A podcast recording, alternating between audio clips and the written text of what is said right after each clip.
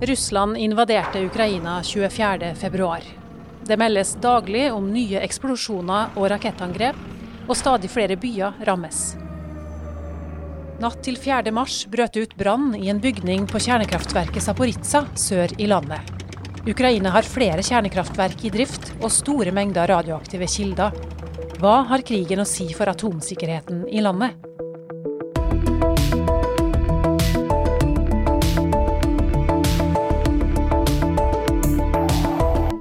Du lytter til Sikre kilder, en podkast fra Direktoratet for strålevern og atomsikkerhet. Ukraina har vært et fokusområde for DSA siden den russiske annekteringa av Krim og destabiliseringa av Donbas i 2014. Nå som Russland har gått til angrep, hvordan ser trusselbildet ut? Har det økt faren for atomhendelser? Det skal vi snakke om i dag. Med meg i studio har jeg Astrid Liland, som er beredskapsdirektør her i DSA, og Ingar Amundsen, fungerende avdelingsdirektør for kunnskapsutvikling og internasjonal atomsikkerhet.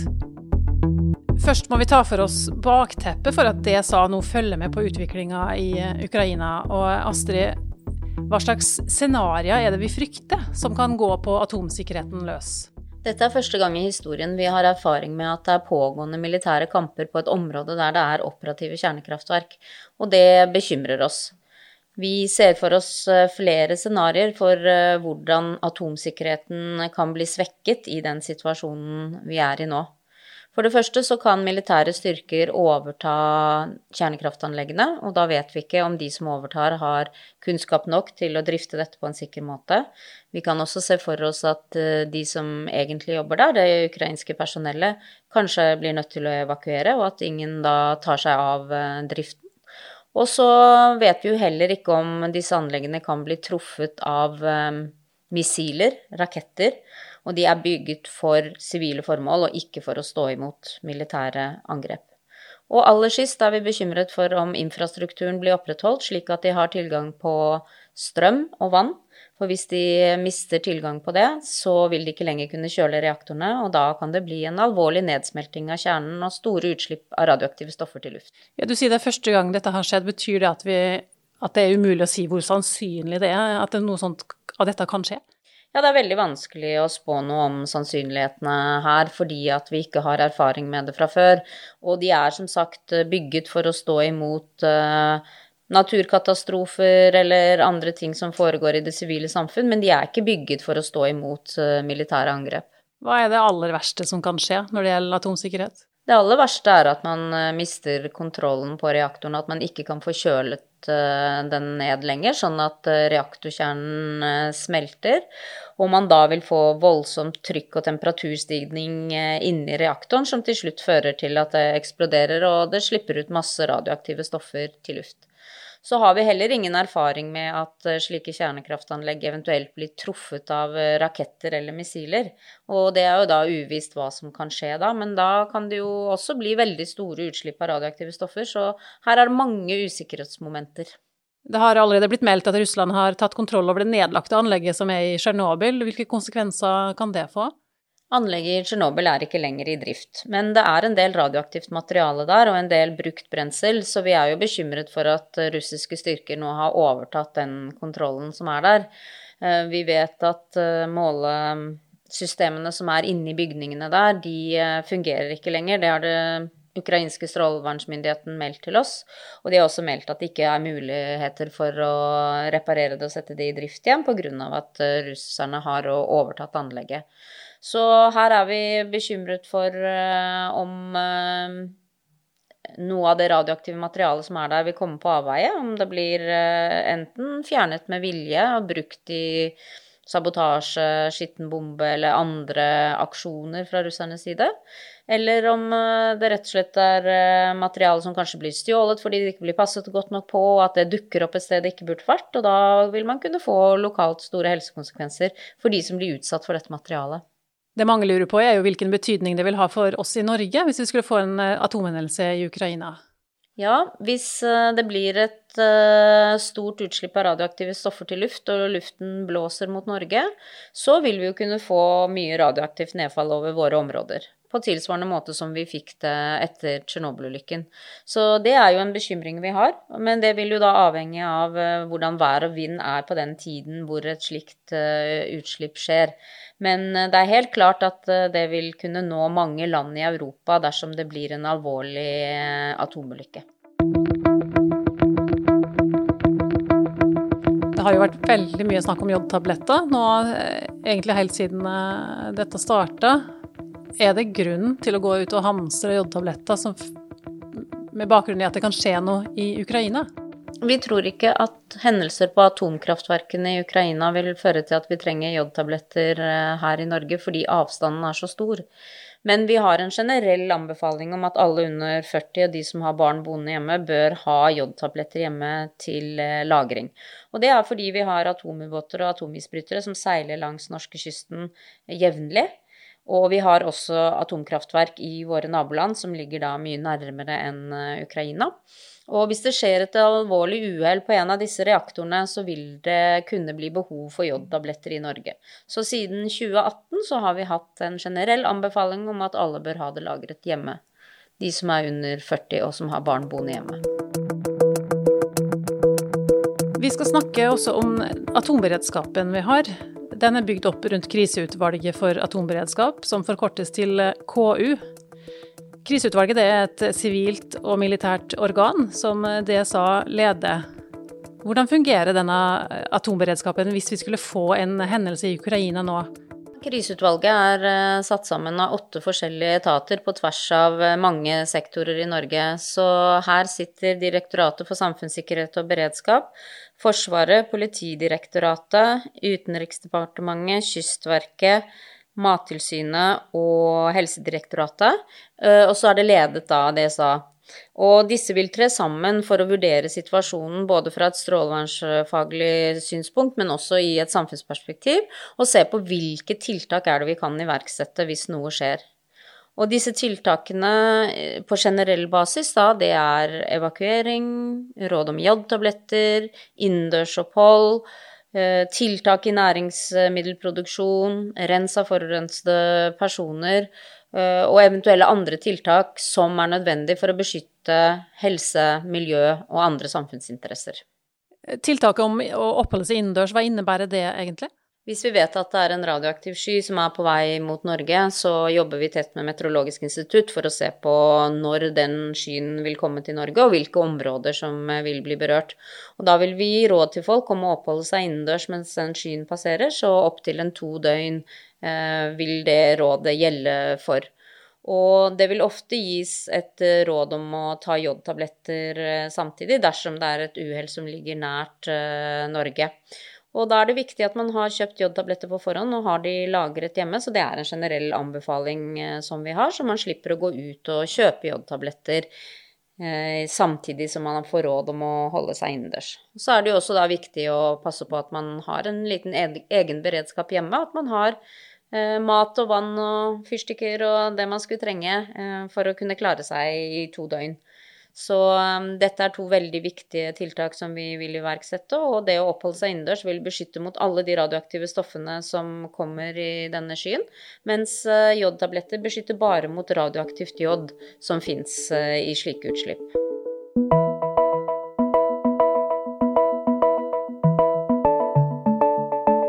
Vi skal over til å snakke mer om samarbeidet mellom Norge og Ukraina historisk sett.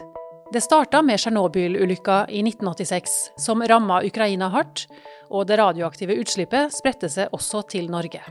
Ny informasjon om atomavfall etter oppløsninga av Sovjetunionen i 1991 og erfaringa fra Tsjernobyl-ulykka bidro til at den norske regjeringa utarbeida en handlingsplan for atomsikkerhet og miljø i 1995.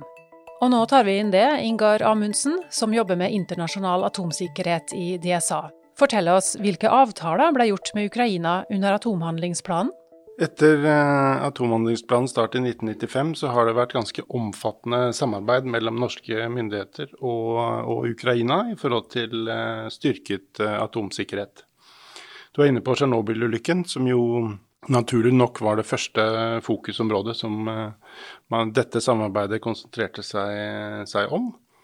Men etter hvert så har det også utviklet seg til å bli ganske omfattende samarbeid på også en del andre områder, i tillegg til Tsjernobyl-ulykken og konsekvensvurderinger og, og tiltak rundt den store ulykken.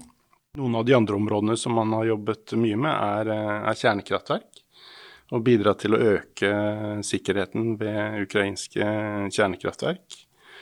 Eh, tema, annet tema er å ha kontroll eh, på radioaktive kilder, eh, som eh, er viktig at ikke faller i, i, gale hender og eventuelt kan brukes i, i terrorhandlinger, såkalt eh, aktiviteter mot, mot ikke-spredning.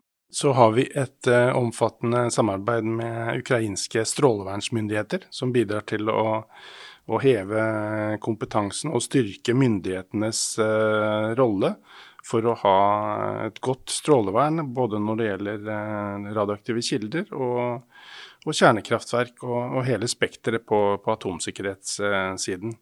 Og Det siste området, som kanskje er et av de viktigste, er, er atomberedskap.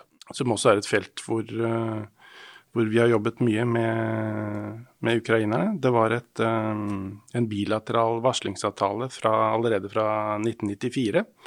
Og der man nå i det siste har fått til en uh, protokoll for å gå litt nærmere inn på de mer spesifikke tingene med atomberedskap, og, og senke terskelen for varsling og prosedyrer for, for uh, atomberedskap mellom våre, våre, to land, og, og deltakelse i, i øvelser f.eks.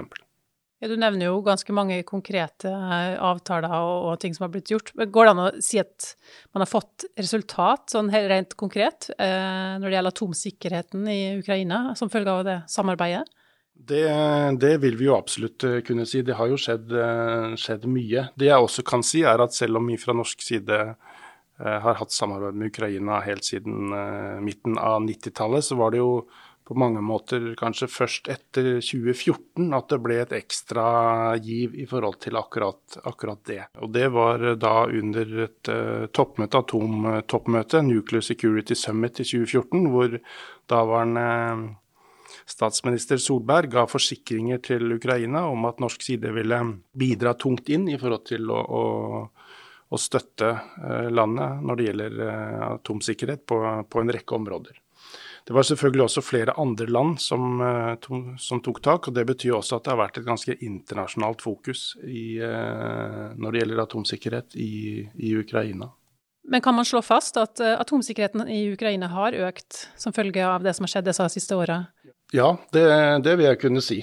Absolutt. Et eksempel er jo, er jo Tsjernobyl og den sarkofagen som ble som ble laget etter uh, ulykken i, uh, ulykken i 19, 1986, så fant man ut at den provisoriske Eh, sarkofagen som ble laget etter ulykken, ikke holdt, og at man måtte ha et stort initiativ for å, for å, bygge noe nytt. Og det ble gjort da gjennom Den europeiske utviklingsbanken, EBRD, og Norge var med å bidra til det. Og i, i 2020 så var den, var den, på plass.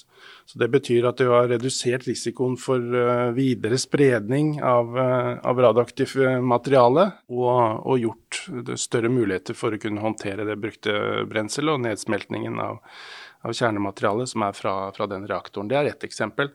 Og så er det som nevnt også flere eksempler i forhold til, til kjernekraftverk. Fysisk sikring ved, ved, kjernekraftverk, og også tiltak som går på rent uh, sikkerhet for å redusere ulykker for uh, eller for å oppdage uh, uregelmessigheter under drift, og dermed kunne redusere risikoen for, for ulykker, spesielt ved, ved, det ene kjernekraftverket på, på Rivne, som Norge har, har bidratt, bidratt, til. Da. Når Russland nå har eh, invadert Ukraina, er det en fare for at denne opparbeida atomsikkerheten nå forsvinner? Det er klart, nå, nå er det jo en helt vanvittig situasjon der med krigen som, eh, som, er i gang. Og det er veldig usikkert og veldig vanskelig å si hva som, hva som vil skje i forhold til sånne, disse, disse, tingene, da. Den største risikoen man ser for seg, er jo, er jo kjernekraftverkene, selvfølgelig. Hvis det skulle skje noe der, eller hvis um, det skulle være noen missiler som skulle treffe i nærheten av, av, det, så får vi jo bare håpe og tro at, uh, at det ikke, ikke, vil skje. Og det er jo helt klart at, uh, at man, veldig, man, vet veldig godt hvor disse installasjonene er. Men jeg kan også nevne at selv, selv etter 2014 så mistet man jo kontrollen på noen av områdene i, i Sørøst-Ukraina. Uh, og fra norsk side så har vi også bidratt til å støtte grensekontrollmyndighetene for å, å ha muligheter for å oppdage og detektere smugling av nukleært materiale over områder som man da ikke har, har kontroll på. Så Det er et av de prosjektene vi egentlig har i gang nå, uh, hvor norske myndigheter er sterkt involvert, men også hvor andre aktører som, som USA er inne og, og bidrar. da. Hva vil DSA gjøre framover nå, da, for å følge opp den situasjonen vi har i Ukraina? Nei, Det er klart at uh, Ukraina og ukrainske folk trenger all mulig støtte som, uh, som, de kan få. Akkurat nå er det vel en annen type støtte enn det vi kan, uh, kan bidra med. Men, men, på sikt så er det jo helt klart at dette vil gjøre til at vi vil ha, ha større fokus på Ukraina og gjøre alt vi kan for å for å, å, hjelpe dem med det vi som, som strålevernsmyndighet eh, kan gjøre. Nå har vi hatt eh, kontakt med våre aktører der inne også, det, selv om det er noen begrensede muligheter der. Og Det er selvfølgelig viktig at, eh, at liv og helse går foran, går foran, alt annet. Men eh, det er stor bekymring for situasjonen som, som er nå. Det er jo eh, helt klart. Hva sier dem som du har snakka med? Nei, det er jo helt uvirkelige situasjoner der. Eh, det er det jo ingen tvil om. Og det er vel ingen som hadde, eller i hvert fall ganske få, som hadde trodd at det ville gå til et sånt eh, skritt som, eh, som det har skjedd nå. Det er helt, helt opplagt. Vi runder av her og takker for oss. Jeg heter Halfrid Simonsen og jobber i kommunikasjonsenheten i Direktoratet for strålevern og atomsikkerhet. Ønsker du å vite mer om det vi har snakka om i dag? Gå inn på dsa.no. Der har vi samla informasjon om situasjonen i Ukraina på ei egen side. Vi har også tidligere publisert en egen podkastepisode om atomberedskapen i Norge og risikoen for ulykker i våre dager. Den anbefaler vi at du hører. Har du innspill til hva vi bør snakke om i denne podkastserien? Send oss gjerne ei tilbakemelding på Facebook, Instagram eller Twitter.